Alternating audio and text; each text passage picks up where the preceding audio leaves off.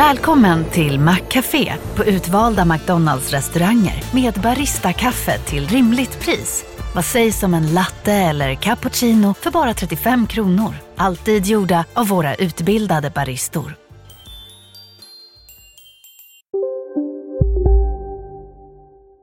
Hej och välkomna till Lisa läser. Det är jag som är Lisa och idag ska jag läsa sagan om Askungen.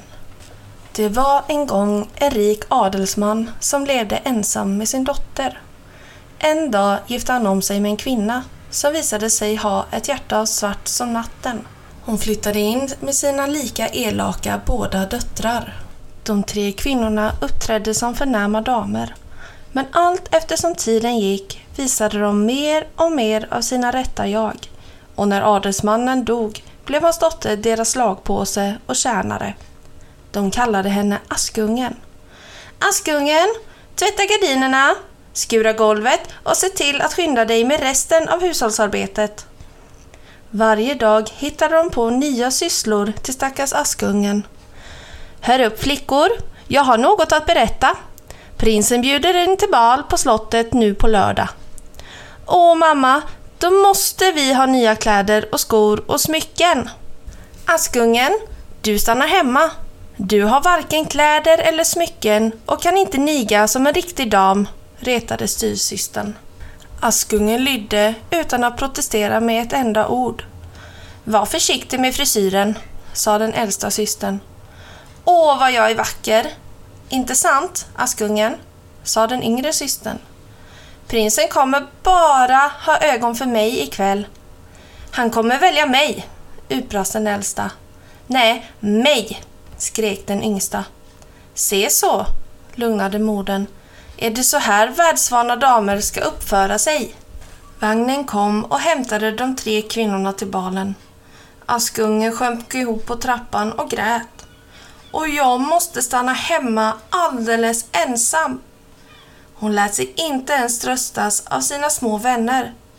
Men plötsligt syntes en ljusstark stjärna vandra över himlen. Den kom närmre och närmre tills den stannade alldeles framför Askungens fötter. Askungen drog efter andan. Framför henne stod en liten kvinna i konstiga kläder med ett trollspö i handen. Var inte rädd, jag är din gudmor, en god fe. Men nu är du försenad. Skynda på, skynda på. Fen viftade med sitt trollspö och pekade på allt hon såg. Hon förvandlade några möss till hästar, några ekorrar till lakejer och en stor pumpa blev en vagn av guld. Men, men, stammade Askungen. Vad gör du? Du ska på balen ikväll. Prinsens bal. Askungens ögon började glittra av förväntan. Åh, jag har väl inte glömt något? Kusken. En vagn utan kusk går inte för sig. Kära hund, du får bli en kusk och köra Askungen till balen. Hoppla! Vad väntar du på Askungen? Kliv ombord, sa Fen. Så här, i mina gamla trasiga paltor, undrade hon. Ja, visst ja, du måste ha en balklänning. Fen svängde med sitt trollspö igen och Askungen fick en vacker klänning, smycken och skor av glas. Men kom ihåg, klockan tolv bryts förtrollningen, varnade Fen. Balen var fantastisk. Alla unga kvinnor i landet var där. De skockades runt prinsen, men när han fick syn på Askungen hade han inte ögon för någon annan. De dansade med varandra hela kvällen. Jag har sett den där flickan någonstans, sa den elaka styvmodern för sig själv. Men när klockan började slå tolv slet sig Askungen loss ur prinsens famn och rusade ut ur slottet. I brådskan råkade hon tappa sin ena glassko. Nästa dag knackade betjänten på dörren till huset där Askungen bodde. De båda styvsystrarna gjorde allt för att pressa ner sina stora fötter i den lilla skon, men alldeles förgäves. Finns här inga andra unga damer i huset? undrade betjänten.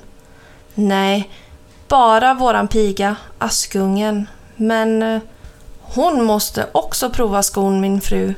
Alla andra flickor i riket har gjort det. Se så, får jag din fot, sa han till Askungen. Naturligtvis passade glasskon perfekt på Askungens fot och i samma stund plockade de fram den andra skon ur sin ficka. Just då uppenbarade sig Askungens gudmor. Hon svängde sitt trollspö och vips stod Askungen klädd i sin vackra balklänning igen.